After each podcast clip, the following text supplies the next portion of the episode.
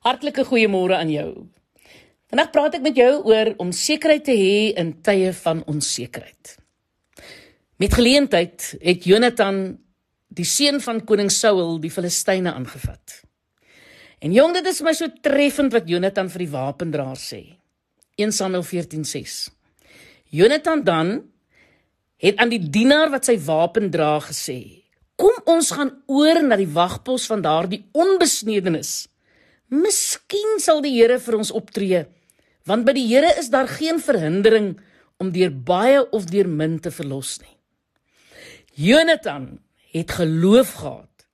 Hy het gedink dat God met hulle sal wees terwyl hulle die vyand van die Israeliete sou aanvat. Maar tog was hy nie seker presies wat sou gebeur nie. Daarom sê hy, "Miskien sal die Here vir ons optree." En wat as hy nie? Kan jy sien dat dit nie 'n risikovrye besluit was nie. Jonathan het egter geloof gehad dat God met hulle sou wees. En so het Jonathan en sy wapendraer hulle lewens in geloof gewaag met slegs 'n moontlikheid vir 'n goeie uitkoms.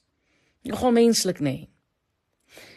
En so het hulle 'n hele paar Filistyne in 'n oop veld aangevat. 25 manne afgemaai.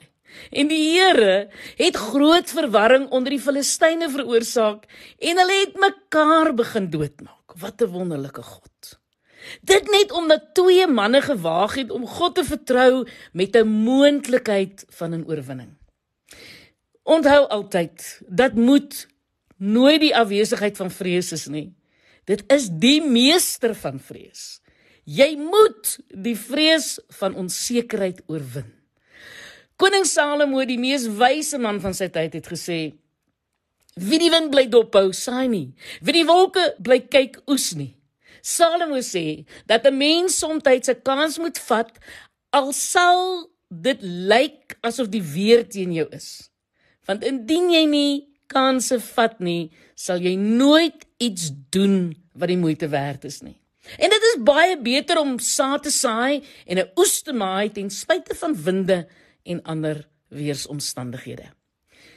Jong sommige mense se natuurlike temperament is om te wag totdat omstandighede perfek is. Hulle wil weet wat die wolke gaan doen en wat die effek van die wind gaan wees voordat hulle kansse neem. Ek wil vir jou sê vandag Jy sal ongelukkig nie veel bereik nie. Dit sou tog wonderlik gewees het indien God vir ons 'n e-pos kon stuur van uit die hemel of 'n engel wat vir ons 'n duimpie ter bevestiging kon wys elke keer wat ons besluite en keuses moet maak. Maar dit werk ongelukkig nie so nie. God spreek met ons deur sy woord of deur iemand wat met jou persoonlik praat. Die moontlikheid is ook daar dat hy vir jou 'n idee kan gee terwyl jy sommer net sit en dink en pyns en die Bybel lees of goeie musiek luister. Daardie idee sal binne in jou begin groei. Moontlik wil God hê dat jy daardie gedagte verder moet neem. Daar is ongelukkig geen waarborg dat dit sal werk nie, maar die moontlikheid in geloof is daar. Die realiteit is dat ons meer met die moontlikheid dat iets kan werk gekonfronteer word as met die sekerheid dat dit sal werk. En dit is in hierdie tye van onsekerheid wat ons moed, hoop en geloof getoets word. Jou moed, jou hoop en jou geloof word baie meer versterk in tye wat jy versigtig en geduldig op die Here moet vertrou terwyl jy jou in sy woord moet verloor. Baie mense is nie gemaklik met hierdie proses van wag nie, hoor. Hierdie proses van afhanklikheid nie.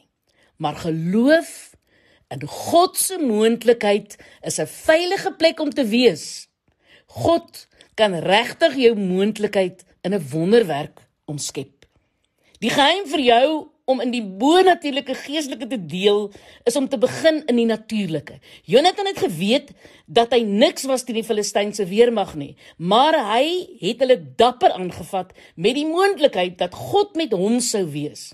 En sonder hierdie menslike stap kon God nie intree en dit in 'n wonderwerk verander nie. Wat is jou opsies? Besluit vandag dat jy ook soos Jonathan die moontlikheid in geloof met 'n vaste vertroue sal leef. Ek is Lenet Beer vir Radio Kansel.